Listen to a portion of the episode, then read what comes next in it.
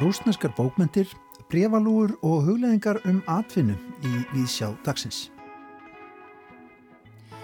Mánudagur til mæðu og þriðudag til þrautar. En við lókvinnuveikunar munum við uppskera með lukku og sælu, eða hvað? Snorri Rafn Valsson, heimsbyggingur, staðsettur í Vínaborg, fjallaði hér í pislaserju á haustmánuðum um áhrif tæknivætrar veraldar á líf okkar. Nú á vormánuðum mun hann taka fyrir fyrirbærið atvinnu Hvenar var þetta hugtak til og hvernig hefur fyrirbærið þróast í gegnum tíðina?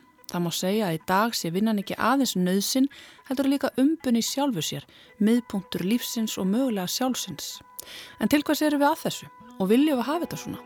Heyrum hugleðingar Snorra Raps um vinnu hér á eftir.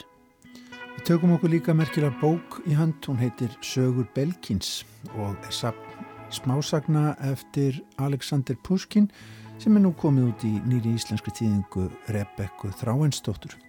Sögurnar komið fyrst út árið 1831, eru launga orðnar klassískar í bókmyndasamhingi heimsins. Á látlausan en meitlaðan máta er þar sagt frá einvígum, draugarsamkomum, miskilningi, ástum og óvæntum endalókum. Við ræðum við Rebekku um Puskin og sögur Belkins í síðara hluta viðsjár í dag. Brefalúan, er hún á hverfandi kveli? Hver veit, Hún er allavega uppspretta skemmtilegra pælinga sem urðu að lámyndum í bronsi í höndum listamannsins Baldvins Einarssonar. Kíkjum niður í miðbæ. Þá erum við stött hér í Díasal, listasaps Reykjavíkur. En hér er listamennum sem þykja hafa mótandi áhrif á íslenska listasinu búið að halda sína fyrstu engasýningu í opinberu rými. Baldin Einarsson, hann sýnir hér síningu sem hann kallar OP og við ætlum að fjallum hana. Kanski samt til að byrja með Baldin, takk fyrir að taka mótum mér hérna í þessu fallega rými, þetta er magnað að koma inn inn. Já, velkomin. Svo við lýsum þess aðeins fyrir hlustendum, þá er hérna, þetta er kvítur salur, díasalurinn er ekki mjög stór en hann er alveg kvítur í þetta sinn og golfið er líka kvít og hér umhverfis okkur, um alla veggi, eru lámyndir sem að líkjast brefalúum. Um og fyrir ofan hverja og eina er einhvers konar texti á ennsku eða staðhafing, já. Já, hérna, uh, já þetta eru lámyndir úr bronsi, steiftar út í Belgíu, svona einhvers konar opiða rifur á vekkina, minna á brjálúur og svo fylgir staðhafing hverju rif eða hverju, hverju verki. Mm -hmm. Þetta eru 24 hérna í salnum og en fjöldin ræðst eiginlega af stærð salarins að því ég vildi umleikja áhörundan mm -hmm. með þessum verkum sem er einhvers konar valkostir hann kemur inn og velur tengir við staðhæfingar eða form og, og, og lúðurna gefa í kynn einhvers konar eða gefa, gefa skinn einhvers konar uh, þáttöku eða eins og að að annarkost setja eitthvað inn í lúðnar mm -hmm. eitthvað svolítið en, en þannig að fjöldin ræðst eða svolítið af stærð og þannig mætti kalla þetta innsetningu Já, einmitt. Þegar ég gengin inn þá sko upplifið þetta sem svona eina held já, já. er það pælingin? Eða? Já, það er eiginlega umleikjan valmöguleikum Já, já. Einmitt, já. Þannig að ég horfið hérna á þess að brjálugur og þar sem ég hugsaði var bara já, ok, fullt af húsum og á þá hver brefalúa við þennan þessa staðhafingu, ég hugsaði já, býttu, er þetta eða það, hú, húsið er einmitt oft svona bara myndlíking fyrir manneskuna eða sko hug, eitthvað svona innra svona. Og þá hvað verður þá brefalúan mm -hmm. myndlíking fyrir? Mm -hmm. en ég para sko hérna setningarnar og formin nokkuð handahóskend stundum eigaði vel við og við sjáum nú ekki neitt hérna en það er einn sem er svona eins og lekandi svolítið og fyrir ofan hann er soft þannig að þá verður auðvelt að tengja það saman. En stundum verður það formin fjarlægari orðunum þá fyrir eitthvað þá þarf áhörundin að brúa það einhvern veginn.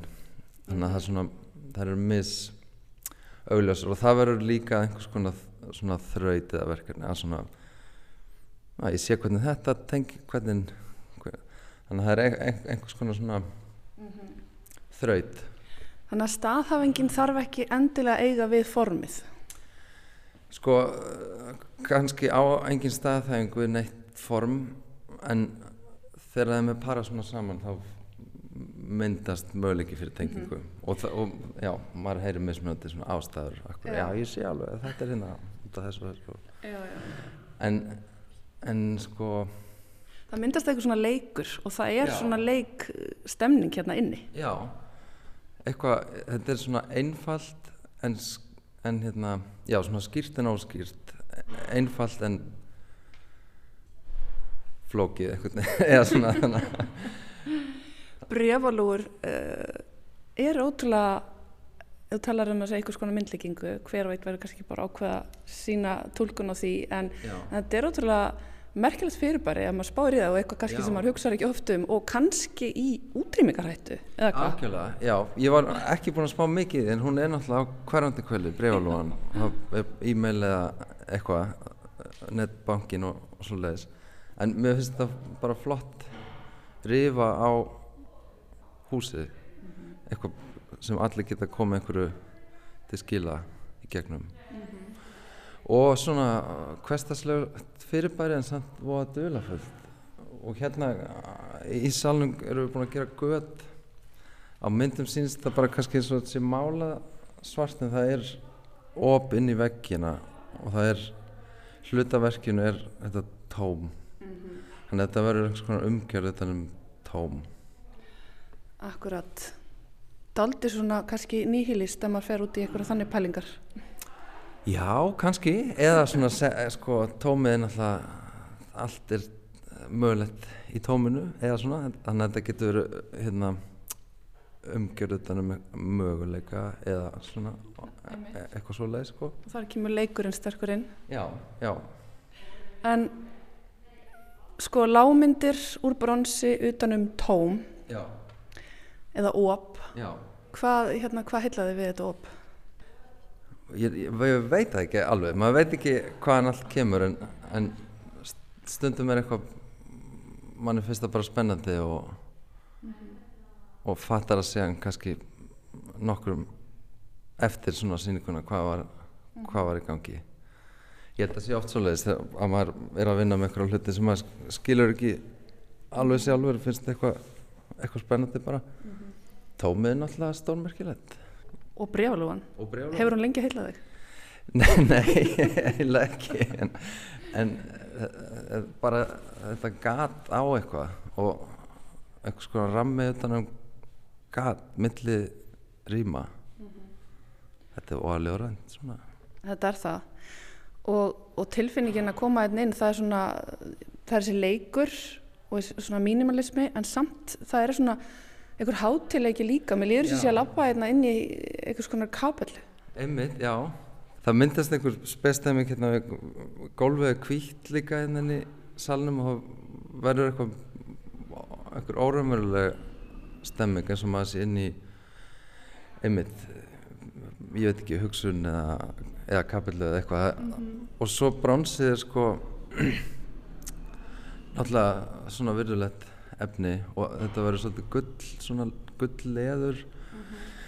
ég baði um áferð bara sem var í svona klass, klassísk svona brons áferð og það brons er náttúrulega virðulegt efni einhvern veginn mm -hmm. og það sama með brefalúni er líka einhver svona svona fyndin þó að þessi svona hávirðulegt efni og, og hérna og fagurt hérna, þá er eitthvað svona teiknumyndabræður líka yfir kannski bara hvernig þú mótar formin líka? Já, það kemur kannski inn í bara mína svona fagfræði eða teikninguna eða eitthvað svoleiðis og, og öll verk eiginlega hjá mig verða fyrst til í sko bara skissuvinnu og það helst helst síðan. En þau umbreytast oft sko, þessi verk sérstaklega byrja kannski teikningu svo ger ég þetta í steinsteipu svo tek ég hérna sílikomót af því vaks heldin í það og svo brons þannig að þetta, það, það eru nokkur svona en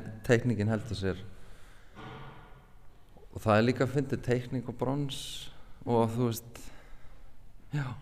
Þannig að þessi síning byrjaði í skissum? Já, það byrjaði allar í, í solis. Byrjar allt í teikningu eiginlega hjá mér. Átt þú þér þína eigin brefalói hérna? Það breytir sko, það er ein hérna sem að mér fannst vest sko en er, er hérna orðin eiginlega uppáhalds, það er hérna Born to be difficult hérna brefalóan hún og þá maður sér svolítið mikla áferð þetta er svolítið eins og hann að uh, er, það var svona leður, þurrka leður. Mannst eftir þessu, þetta er svona Eins og er stundum á svona koffortum. Já, eitthvað minnir á það? Hún er bara mjög skritin í það þessi. Og svo hérna það er önnur hérna. Já, nú erum við náttúrulega í útvarpinu. Það, Já, þú verður að lýsa þessu. já, þessi er svona bara kassi og svo kemur hérna uh, mótar fyrir kemur svona neikvætt rým inn í hana hálfringur og svo kemur út úr henni hálfringur Já, já, já. hún er hérna born to be successful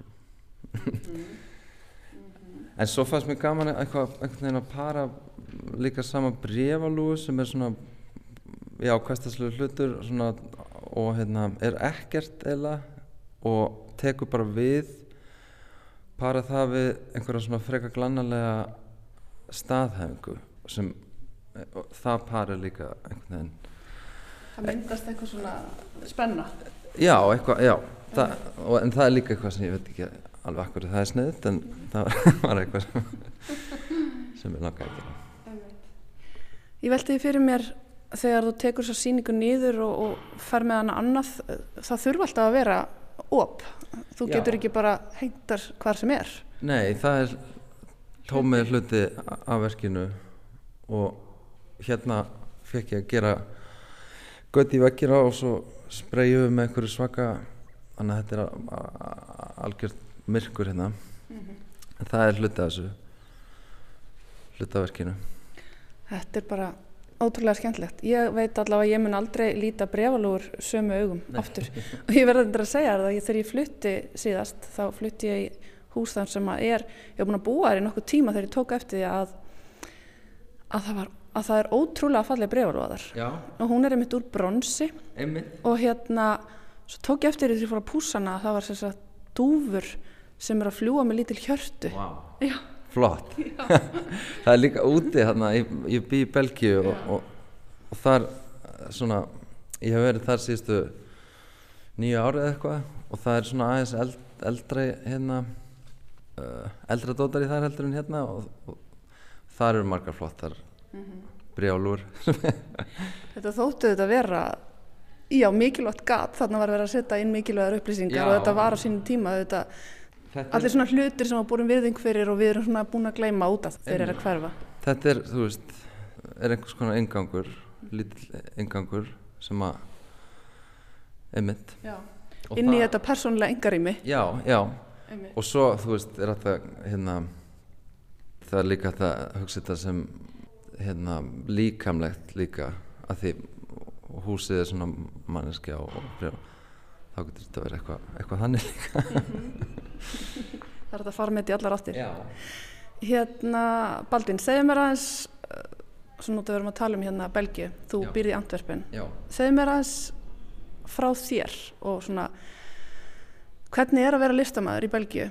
Þú segist að búið er í nýju ár, þú lærðir hér, fúst út í framhaldsnám þar, Já. en þú hefur auðvitað verið viðriðin listasinnuna hér, þó þetta sé þín fyrsta engasynningi í opinbörurými, Já, þá auðvitað hefur verið sínt víða.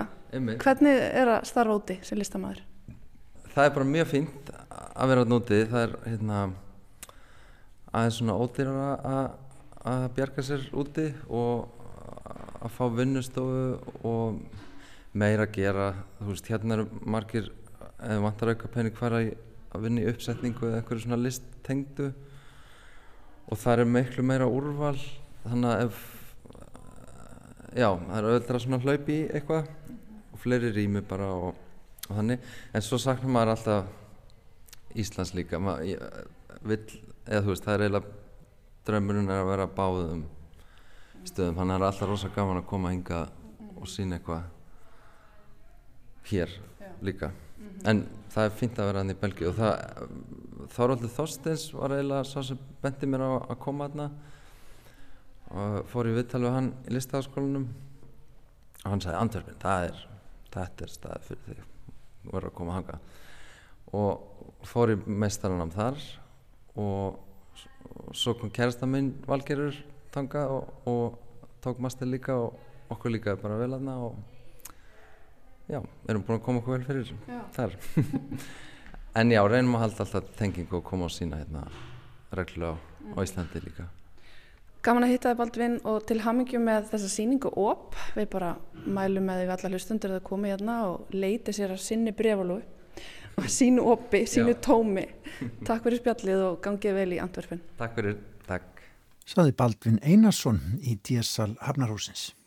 Já, en næsta dagskrá eru atvinnumál. Snorra Valsson, heimsbyggingur og pislahöfundur okkar í Vínaborg Hann fjallaði hér á haustmánuðum um áhrif teknivetrar veraldar á líf okkar en nú ætlar hann að skipta um gýr og taka fyrir fyrirbærið atvinnu. Hvenna var þetta hugtak til og hvernig hefur fyrirbærið þróast ekki nú tíðina? Snorri Rapp, tekur nú við.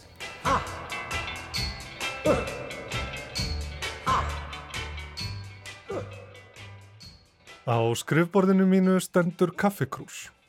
Í henni er þó ekkert kaffi, bensín, lífsins, heldur pennar og vasanhýfur glerugnaklútur, eitthvað klink og nokkrar rafluður.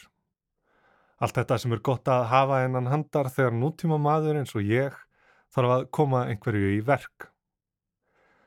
Krúsin er blá og skreitt mynd af þeim jobba, koppa, vippa og yppa daltónbræðrum, þessum sem lukkuláki er sífælt að eldast við.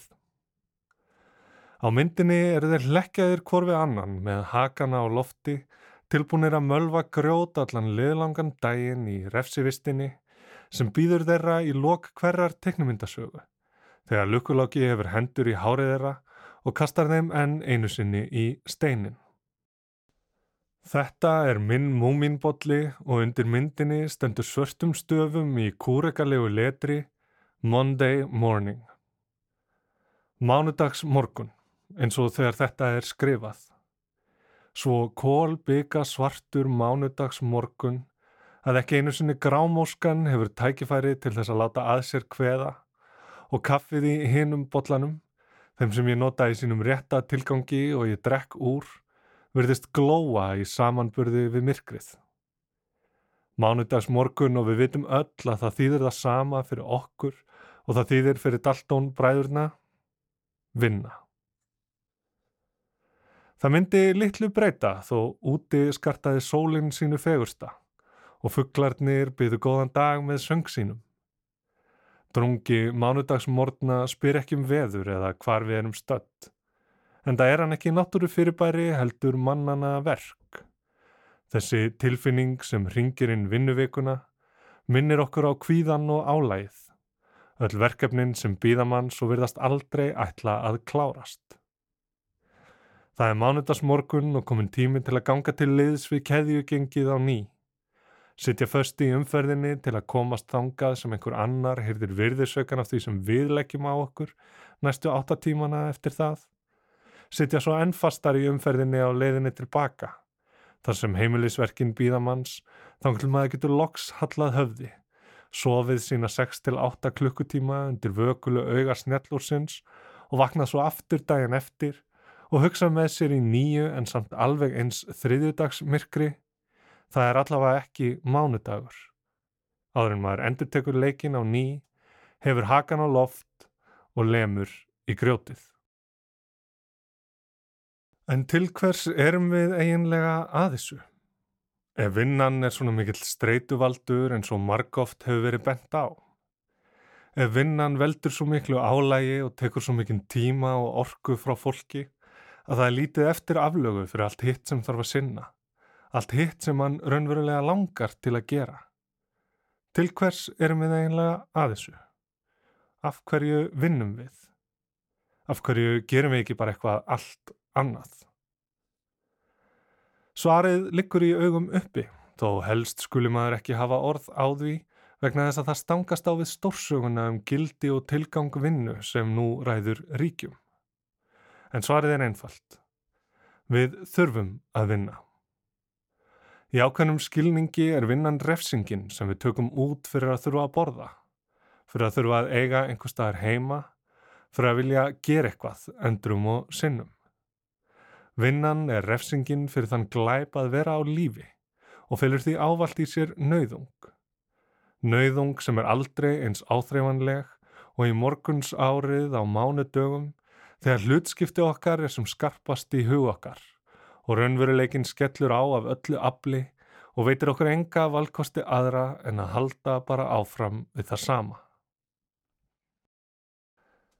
Liðin er svo tíð þegar fólk þurft að sjá fyrir sér og sínum með því sem það gætt rækta á eigin landsbyldu, veitt upp úr sjónum eða fangað í skóginum. Allt aðtapnir sem hafa einbera og strýpaða tilvistað markmiði. Launin þau að fá að draga andan annan dag. Ekki mikið meira en það, stundum eitthvað minna. Þetta var samkómulegið sem hver og eitt þurfti að gera við náttúruna. Vinnan var erfið og illa launuð en þannig var það bara. Tilveran rúlaði áfram og þú fegst þó að lifa. Hvort sem þú nöst þess sem þú gerðir eða ekki, hafðir áhuga á því eða ekki, langaði til þess eða ekki. Vinnan var ekkert nema nöðsin en hún dugði til. En vinnan er ekki svona lengur, er það nokkuð. Við búum við allt aðrar aðstæður þar sem vöxtur er grundvallar lögmálið og vöxtur verður ekki knúin áfram með svipinni einni saman. En ef við fáum ekki að njóta alls þess sem við sköpum í vinnunni, afræksturs þess sem við tökum okkur fyrir hendur, hvers vegna ættum við þá að leggja okkur meira en bara það sem rétt svo tryggir afkom okkar? Þegar vöxturinn mætti til sögunar og fólk fór í meiri mæli að vinna fyrir aðra en sjálft sig, þurfti að skapa nýja kvata til að koma okkur í vinnuna og halda okkur í vinnunni. Áður en öryggisnett samfélaga hófu að grýpa þá sem ekki unnu var það gert með því að gera hinn möguleikan. Að vinna ekki eða reyna að lifa af upp á eigin spýtur svo ömurlegan og ómögulegan að hvaða starf sem er var skarra en ekkert. Þetta dögði til í einhver tíma en eftir allt bröltið og rótið í kjölfar yðnbyltingarinnar varð dýllin þessi á fyrirluta síðustu aldar. Já, við vitum að vinna er erfið og vinna er leiðinleg en þér verður launað vel. Skilir þú þínum 8 tíma á dag færðu nót til þess að kaupa þér hús og kaupa þér nýjan bíl sjá fyrir börnunum þínum og konanin getur séðum heimilið. Standir þú þig vel þartu heldur ekki óttast um það að missa vinnuna og eftir nokkra áratvíi getur þú farið á eftirlaun. Í skiptum fyrir þína plikt færðu stöðuleika. Takkið eftir að samkómulegið hér viðurkennir það sem ekki má segja í dag.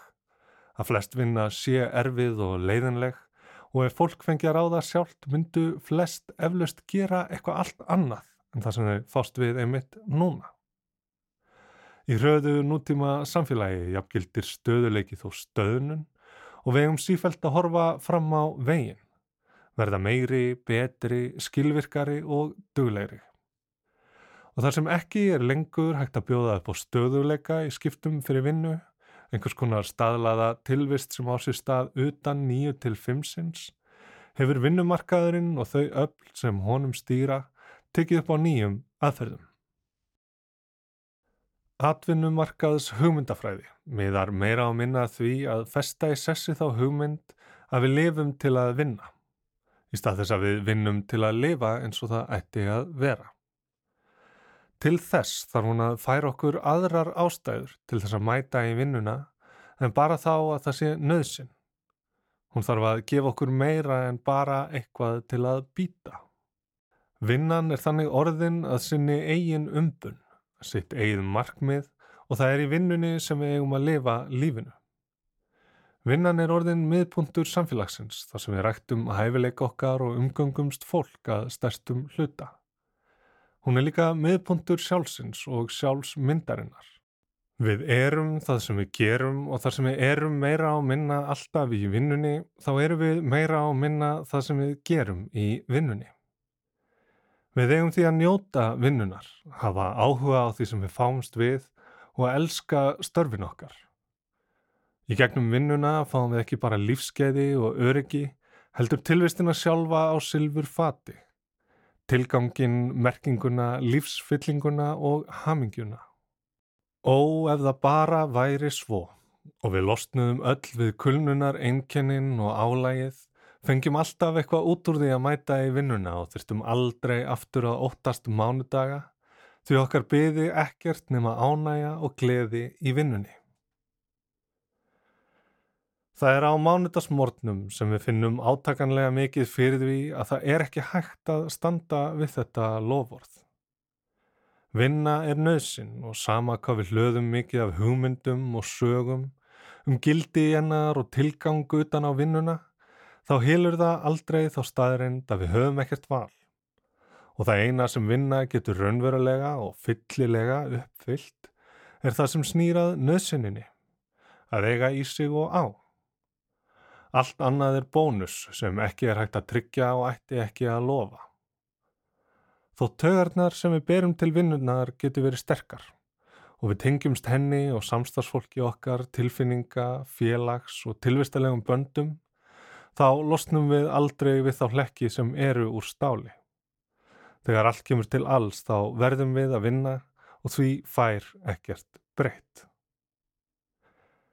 Þetta er eitt stór mánudags morguns blues sem ég flyt ykkur hérna á þriðjudags eftir miðdegi. En fram á vor verður vinnan í brennidepplið þessara pistla sem eru vinnan mín. Og vonandi er þessi mánudags blues einungis upptaktur að gjöfulli vinnuviku þar sem ég mun kafa dýbra í þessa atvinnu markaðs hugmyndafræði skoða nýjar tegundir vinnu og reyna að skilja í sundur lífið og vinnuna ástina og vinnuna og sjá hvort ekki sé hægt að afmiðja vinnuna þó ekki sé nema agnar ögn. Því þegar grámóskan tekur við af myrkrinu er aldrei að vita nema það geti byrt örlítið til.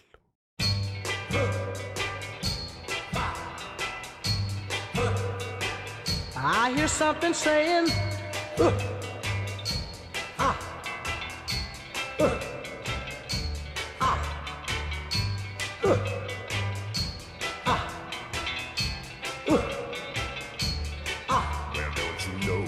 the sound of the men working on the chain gang.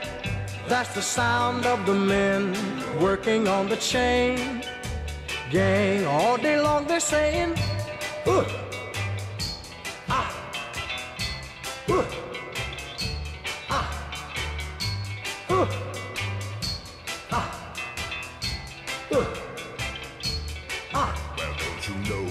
sound of the men working on the chain gang. That's the sound of the men working on the chain gang. All day long they work so hard till the sun is going down. Working on the highways and byways and wearing, wearing a frown.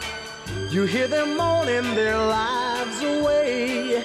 Then you hear somebody say, That's the sound of the men working on the chain gang.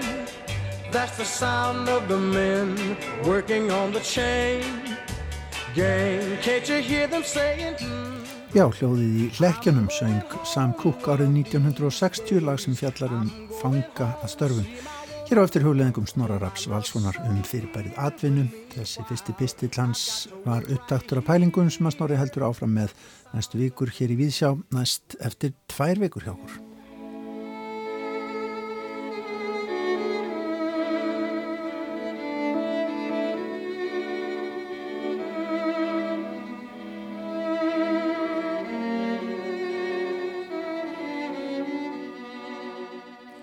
Frá barnæsku hefur hugur okkar hýst þetta leikandi nafn, Puskin. Þetta nafn, hljómur þess, er förunautur daga okkar. Þungaru nöfn keisarana, herstjórana, vopnasmíðana og kvalara lífsins og við hlið þeirra þetta leikandi nafn, Puskin. Hér er verið að vísa í eftirmála Rebekku Þráinsdóttur að nýri útgáfu sem heitir Sögur Belkins eftir rúsneska þjóðskaldið Alexander Puskin. Þetta ritaði bókmyndapáinn og bókmyndafræðingurinn Alexander Bloch á sínum tíma. Þetta var á miklum umbrótatímum í landinu og Bloch leitaði hugunar í nafni sjálfs þjóðskálsins. Smásagnasafnið Sögur Belkins kom fyrst út árið 1831. Það er fyrsta prósaverkið sem rúsneska þjóðskáldið Puskin sendi frá sér og er fyrir löngu komið í hóp síkildra verka hans. Höfundur snýr út úr þekktum bókmentathemum og skemmtir sjálfum sér og lesendum sínum með fjörugum frásögnum af einvígum, draugasamkomum, miskilningi, ástum og óvæntum endarlokum. Já, ástin er þarna víða og Ímis sjónarhorn sett upp á það merka all í lífi mannsins. Rebecca Þráinsdóttir er aðjungt við mála og menningardeild Háskóla Íslands. Rannsóknarsviðinar er engum rúsneskar bókmyndir á 19. og 20. öld fram til ásens 1930. Rúsneskar samtíma bókmyndir ritaðar af konum og þýðingarsa rúsneskar bókmynda á Íslandi. Rebecca leit við í Víðsjá fyrir dag og sað okkur frá sögum Belkins eftir Alexander Puskin.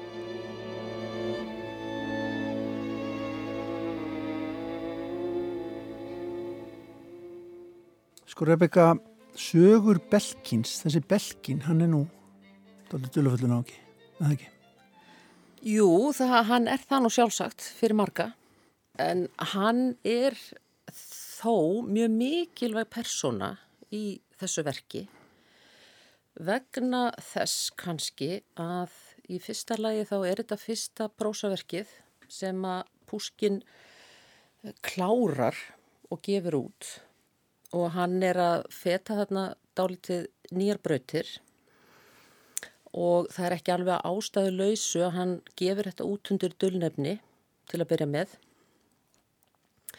En Bjelkin, hann kannski þjónar uh, því hlutverki vegna þess að Púskin, hann er sjálfur svo vel lesin og hann er svo þekkt ljóðskáld og hann er stór fígúra í rúsnesku menningarlífi. En sko viðfánsefnin eru að sömuleiti þannig að það skiptir hann máli að sá sem ber sögurnar á borð, hann er ekki fulltrúi hámenningarinnar. Hann er fulltrúi uh, sveitafals, uh, þetta er svona einfaldur, góðgjart maður, þessi svo kallega bjelkin og þess vegna koma söguefnin til hans og hann segir frá þeim eins og honum er sagt frá sögunum og það sem að kannski Púskin og öðrum bókmyndamönnum eða bókmyndafólki í Rúslandi á þessum tíma finnst útjaskað og kannski smekklaust hlægilegt það er ekki hlægilegt í augum þessa manns sem að er bjelkin. Og var ekki til. Og er ekki til en sjálfsagt margir honum líkir hins vegar til. Einmitt. Sko þessar sögur og maður kannski átta sig ekkit á því uh, af því að Rúsland er svo rosalega stjætskipt samfélag á þessum tíma mm -hmm. og þarna eru kannski að verða daldil umskipti þegar púskinu ungum aðu vegna þess að á átjándu öldinni þá er franska töluð í efsta læginu en einmitt eftir að herir Napoleons eru barðið niður og sendið tilbaka mm. eftir innrásuna í, í, í Rúsland mm. þá snýst þetta aðeins við og rúsneskan svona, hún fyrir að rýsa Púskin hlýtur að vera stort afl í því Já, það er, það er almennt litið svo á að, og það hefur kannski uh, stundum verið mjög mikið gert úr því að Púskin sé fyrstur á svo mörgum sviðum En það sem að hann gerir og er kannski erfitt fyrir þá sem ekki hafa insýn í þennan heim átt að sjá, er að hann gerir rúsneskuna fullkomlega gjaldgenga sem bókmentamál. Menn höfðu þetta skrifað á rúsnesku svo sannarlega og allir þeir rítuðundar sem höfðu verið á undan honum gerði það en menn höfðu verið kannski í pínlilinu vandraðu með rúsneskuna, mát hana inn í bragarhætti og form og frásögn sem að henduðu kannski öðrum tungumálum betur og menn voru að fóta sig á líka að verða sjálfstæðir í sínum bókmyndum. Mm -hmm. En það er talað um að Púskin hann gerir það að verkum að rúsneskan hún verður þetta stórkoslega bókmæntamál. Hann er náttúrulega mikið ljóðskáld og þú talar aðeins um það í þínum fína eftirmála hérna við þessa, þessa útgáfu að það er erfitt að þýðan sem ljóðskáld og, og jafnvel ógerlegt hafa sumi sagt að, að maður þurfi rúsneskuna til þess að skilja dýftina alla leið. Já, að því að já, og þetta er sko og dýftina eða sko fyrst og fremst þessa sko það sem að mann sko langar til að kalla snild. Maður svona reynir að fara að sparlega með það orð en lesið maður og skiljið rúsnesku að þá líkst upp fyrir manni alveg sko sérstakur heimur tungumálsins fyrst og fremst. Kannski miklu fremur heldur en um, söguefnana vegna þess að hann eins og kemur fram hérna í eftirmálunum að hann, hann treystir fyrst og fremst á tungumálið hrinnjandina í tungumálinu og það sem tungumálið hefur að bjóða fremur en einhverja stórkoslega dýft í hugmyndum. Marja Gavrilovna var alin upp á frönskum skáldsugum og var þar af leiðandi ástfangin. Sá sem hún hafi valið sér var fátækur fánaberi úr hernum sem stattur var í leiði í heimaþorpi sínu. Auðvita brann ungi maðurinn af sömu ástríðu og þegar foreldrar elskunar hans urðu vari við gagkvæma hrifningu, bönnuðu þeir dóttur sinni svo mikið sem að hugsa um hann og vesalingsmaðurinn fekk verri móttökur en meðdómari á eftirlaunum. Turtildúunar okkar skrifuðust á og hittust daglega einsömmul í förulundinum eða hjá gamlu kapellunni. Þar hétu þau hvort öðru eilífri ást, hörmuðu ill örlög og gerði ímiskonar áallanir. Með þessum breyfaskriftum og samtölum komust þau, líkt og eðlilegt lítur að teljast, að eftirfarandi niðurstöðu. Ef við getum ekki lifað hvort án annars og vilji grimlindra foreldra stendur í vegi fyrir hamingju okkar, verður við þá ekki að komast af án samþekist þeirra. Það gefur auga leið að þessi ágæta hugmynd kom fyrst í hug ungamanninum og fjall afar vel að romantískum hugmyndum Marju Gavrilovnu.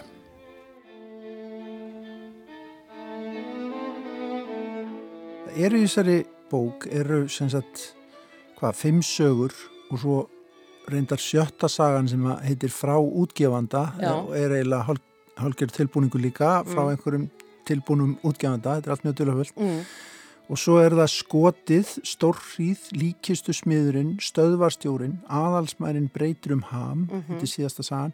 Sko þú rekur það í eftirmálunum að þetta er búið að rannsaka þetta í drepp frá öllum mögulegum bók, bókmentalegum Já. vinklum, er það Já. ekki? Jú, og það, sko, ég ætla nú hérna, verða að segja það að ég var hálf fegin, ég var um, miklu leiti búin að þýða sögurnar þegar ég fór svona að lesa mér til af einhverju alvöru um viðfánsefnið þegar ég fór að reyna að setja saman hennan eftirmála Já. og ég verð að segja það alveg eins og er ég var svo fegin að vera búin að ef að ég hefði gert það síðast þá hefði aldrei orðið neitt og neinu vegna þess að það er bara það, það er alveg sama hvar drepið er niður í smáorðum eða samtengingum eða ég veit ekki hverju að þar eru menn búinir að finna sko einhvern stórkostlegan sannleika Já. sem ekki kannski blasir við hinnum almenna lesanda þegar hann les sögurnar í fyrst skipti. Eitt af því sem bendur á er að sögurnar endurspegli söguheim Shakespeare's sem að Pushkin var með mikinn áhuga og akkurat þarna á þessum tífambili og auðvitað miðaði sig við eins og allir Mhm. eh, að þarna séu í hverju sögu séu hægt að finna vísunni í, í Shakespeare og söguheim hans þetta er merkilegt Já, það er fyrst og fremst vegna þess að hann hefur svo mikið, hann er að lesa Shakespeare á þessum tíma. Og þetta er kannski, þetta blasir uh, kannski einna mest við sko lesandanum í sögunni af aðalsmærin sem breytir um ham í söguöfninu um Rómu og Júliu nema hvað það sem að hann gerir eins og fólk átt að sjá til að lesa sögurnar sko fólk lendir þarna í ímsu það er talað um einvíi það er draugavisla það er fólk sem ekki virðist geta ást vegna þess að foreldrarnir eða feðurnir eru þessir erki óvinnir í upphafisugunar eins og í aðalsmærinni til dæmis. Mm -hmm. En hann sleppir aldrei í gegn upp á yfirborðið einhverjum svona harmrænum endalokum. Þau eru ekki til staðar í þessum sögum uh, og það, það kemur svolítið vel fram í sögunum að það virðist hafa verið púskin sem manneski hafi átt í sínum erfileikum.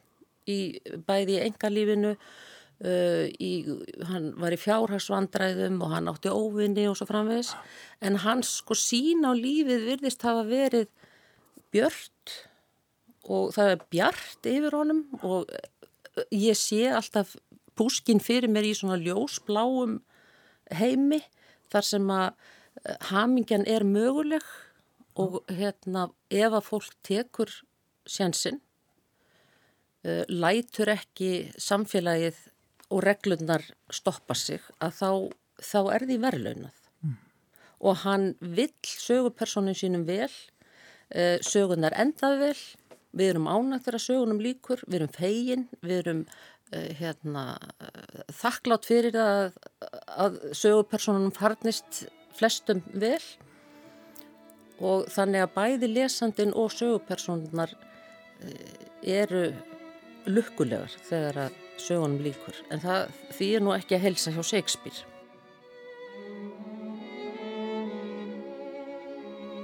Ef ég þjónaði aðeins eigin duttlungum myndi ég öruglega og í minnstu smáatriðum lýsa nú fundum unga fólksins, vaksandi og gagkvæmu dálæti þeirra og trúnaðar trösti hvaðu tóku sér fyrir hendur og samtölum þeirra en ég veit að meiri hluti lesenda minna deilir ekki þeirri ánægu með mér.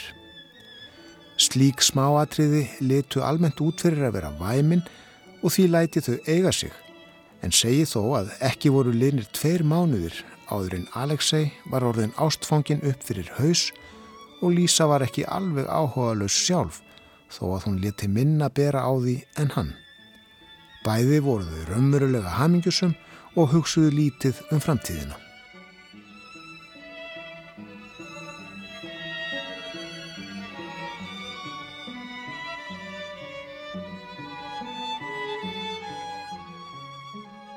En Puskin sjálfur, nú, nú hérna, rekur það eins lífslöp hans í þessum eftirmála og, og hann er eins og fleiri skáld bæði fyrr og síðar í, í rúsnarsku sögu bari niður og réttskoðaður og sendur í útleð þegar svo ber undir mm -hmm. og hérna, er alltaf svona í einhvern veginn jæðrinum á aðlinum og nærri hyrðinni en aldrei tekin almennilega sátt og mm -hmm.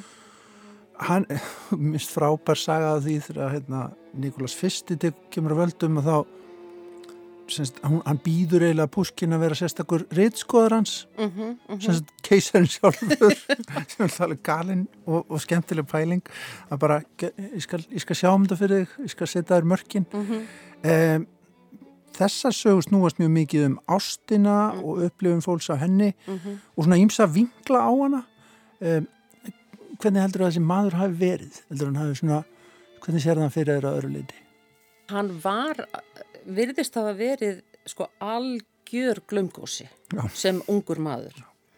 og það er sem sagt gaman að lesa til dæmis sem að lesa það sem Íslandingar hafa skrifað um púskin að þá er yfirleitt fyrir eitthvað mikið gert úr því hvað þessi unga og fallega kona hann sem sannanlega þótti mjög glæsileg og var mjög glæsileg og af henni heitluðust keisarahjónin til dæmis og það var á tímabili það sem þetta fólk kynntist, var á sama stað að þegar að hann gengur í hjónaband með þessar ungu konu, það er mikill aldursmunur á þeim, að þá er yfirleitt gert mjög mikið úr því hversu slæm áhrif þessi unga kona hafiði á púskin, Já. sem er að verða þroskaður fullorinn maður og hann vill fara sko einbeita sér að listinni, hann þráir kyrlátt líf en konan hans sem er innan við tvítugt þegar þau gangi hjónaband, hún er bara sko jafn hrifin af skemmtanarlífinu og hann hafi verið þegar hann var á hennar aldri. Partiljón bara. Partiljón, en það er gætnan kallað öðrum nöfnum þegar verið að tala um hann heldur en þegar verið að tala um hana. Uh, hún var daðurdrós hún var tískudrós hún skildi ekki skáldskap hans og svo framvegs og svo framvegs og þetta olli honum geysilegum vandraðum af því sem skilja má af skrifum oft um uh, þessi tvö.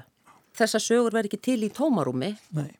Uh, sumt er með vísun í hans eigið líf.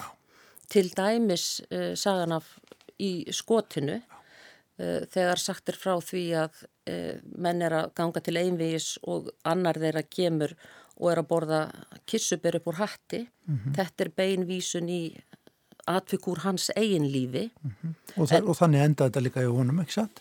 Jú, Já. og það er nefnilega svolítið merkilegt að til dæmis í sögunni af skotinu sem að skiptist eil í tvenn, þar sem í fyrirlutunum okkur er sögð saga úr herlífinu, þar sem að verður til óvinskapur á milli tveggja manna mm. sem þó er nokkuð einhliða og uh, það er blásið til einvís sem er látið vera eðlilegt í þeim heimi sem verður að lýsa, þar að segja hermana lífinu En í setni hluta sögunar þegar þessir menn hittast á ný, þá er verið að undirbúa mann undir það að það fari fram annað einvigi. Þá voru menn komnir á óðulin sín út í sveit og farnir að lifa einhverju sem kalla má vennulegt líf. Að þá á einvigið alls ekki heima í því umhverfi. Og þess vegna verður ekkert úr því í raun og veru. En samt sem áður liður náttúrulega ekki mörg ár þánga til að púskinn fer sjálfur á stað í einvigi sem tengja má beinlínis uh, hjónabandi hans við konuna sína þar sem hann lætur lífið af völdum sára sem hann lítur í einviginu. En ég vil þó taka fram að hérna með Púskin og kona hans að hérna Púskin sjálfur hann var mjög ástfangin af þessari konu sinni og það er sínt til dæmis í þrátt fyrir allt í brefum sem hann skrifar henni að þar er hann mjög mikið að fjalla sko bara um hverstagslega hluti, uh, hvernig henni líður og akkur hún svar ekki og svo framvis en hann ræðir aldrei til dæmis neðin sko bókmenta tengt mál yfirleitt ekki í brefum við hana mm. en hann var mjög hrifin af sinni konu og, og hérna sannarlega. Sko, þú rekur líka aðeins svona hvað maður að tala um, við, við tökum söguna mm -hmm. um þetta mikla skáld í, í langa sögu þetta í, í hérna rúsnesku sögu og á miklum hræringatímum í, í sögulansins. Mm -hmm. Þú til dæmis bendir á það að hann hafi verið algjörlega kanoniseraður og, og hafið hann upp til skíjana í Sovjetryggjum Stalins sko, og kentur skólastöðum, öllum skólastöðum og allir látni tiggja á þessu alveg út í eitt. Mm. Það var samt ekkit alveg út sem það svo yrði vegna þess að þú reykur það líka þegar hann deyr mm. þá, er mikið, þá er kvartað yfir því óalega mikið látið með að hérna, hvað var hann kallaður sól, sól rúsnarskrar hérna, ljólistar já, væri, væri, væri nýjinn Já, vegna þess að sko, ég það má nefnilega ekki gleyma því að þetta er, þetta er heimur sem er í mikill í mótun og gaggrínendur í Rúslandi á 19. öld verða mjög mikilvægir bókmyndagaggrinendur. Þetta verða mjög mikilvægir personur og hafa mjög mikla, mikil áhrif á alla umræðu um bókmyndir og hafa reyndar alltaf haft. Þetta er mjög svona stór og mikilvæg grein í Rúslandi og í rúsnarskum bókmyndaheimi og hann var mjög gaggrindur af sumum en mjög háværum röttum vegna þess að menn gera alveg sérstakar kröfur í Rúslandi til þess að bókmyndirnar svari einhverjum spurningum um líf fólks og hvað beri að gera í þeim hörmungar aðstæðum sem að fólk verðist alltaf vera statt þar en rít höfundar á öllum tímum voru lang oftast og hafa alltaf verið mjög hrifnir af púskin ja. og staða hans sem þjóðskálds hún er algjörlega óskoruð og ég ætla að lega mér að fullera það svo verði um eilíf, um eilíf.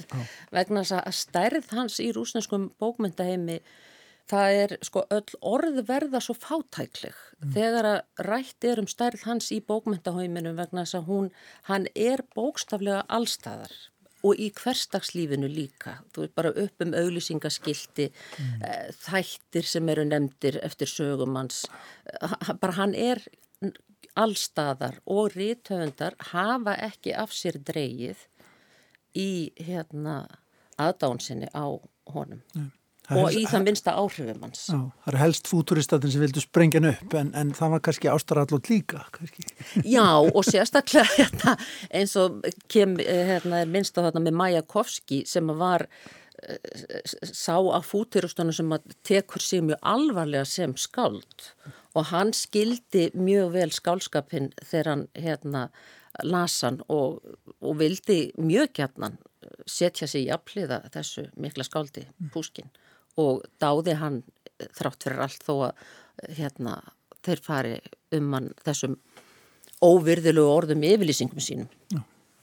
En þessar sögur Belkins uh, sem að virka stundum eins og hálgjörða svona kæftasögur sem þessi blessaði belkin færi til bókar mm. Það eru hillandi, það eru algjörlega eða flúrlausar. Það er ekki, ekki skreiti mikið í þessu. Það er bara, það gengir beint til verks að segja söguna, ekkit bull. Já, sagana sög og uh, hann, einmitt, hann sagði það sjálfur uh, hérna við einhvern við ungan mann sem sagt þegar ennþá var talað um þennan bjelkin að hann sagði um þessa sögur við ungar mann, já það er svona sem á að skrifa smásögur, nákvæmar og segja söguna. Það er það sem skiptir máli. En hann, sko það veitur honum líka svona ákveðin, ákveðin frelsi og hann leikur sér með það að hann passar að, að því að sagan til, nei leiðin til lesandan hún er svo laung, það er fólk í ákveðnum kreðsum sem að hefur orðið vittni að eða heyrt einhverjar ákveðna sögur úr sínu umhverfi og þess vegna eiga þeir að verða trúverðuður og það gefur honum þá líka frelsi til að uh, hérna, vera sína fjölbreytileika í stíl til enga sögur ákveðnu umhverfi sem eiga heima í því umhverfi og tilheyra því fólki sem býr í því umhverfi þó að honum hafi fundist margt af því sem hann er að segja hlægilegt. Mm og gerir pínliti grínaði í tekstanum sjálfum þar sem hann lauma sér inn í tekstan og sem bókmyndamennunum líka fannst hlægilegt. En vegna þess að þetta sprettur úr því umhverfi sem að fjöldin lifir í, þá gengur það upp.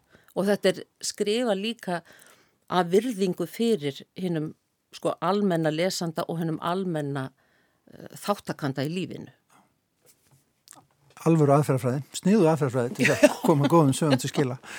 Takk kærlega fyrir uh, spjallið Rebeka Þráhansdóttir, við bendum á þessu bók Sögur Belkins eftir Alessandri Puskin komin út í þýðingum þínum og með fínasta eftirmála frá stopnun Viðisar Fimboðdóttir. Takk fyrir komin í vísjá. Takk svo með leiðis. Og hér ætlum við að enda þáttin í dag á rúsnarskum bókmyndum. Takk fyrir samfélgina og verið sæl.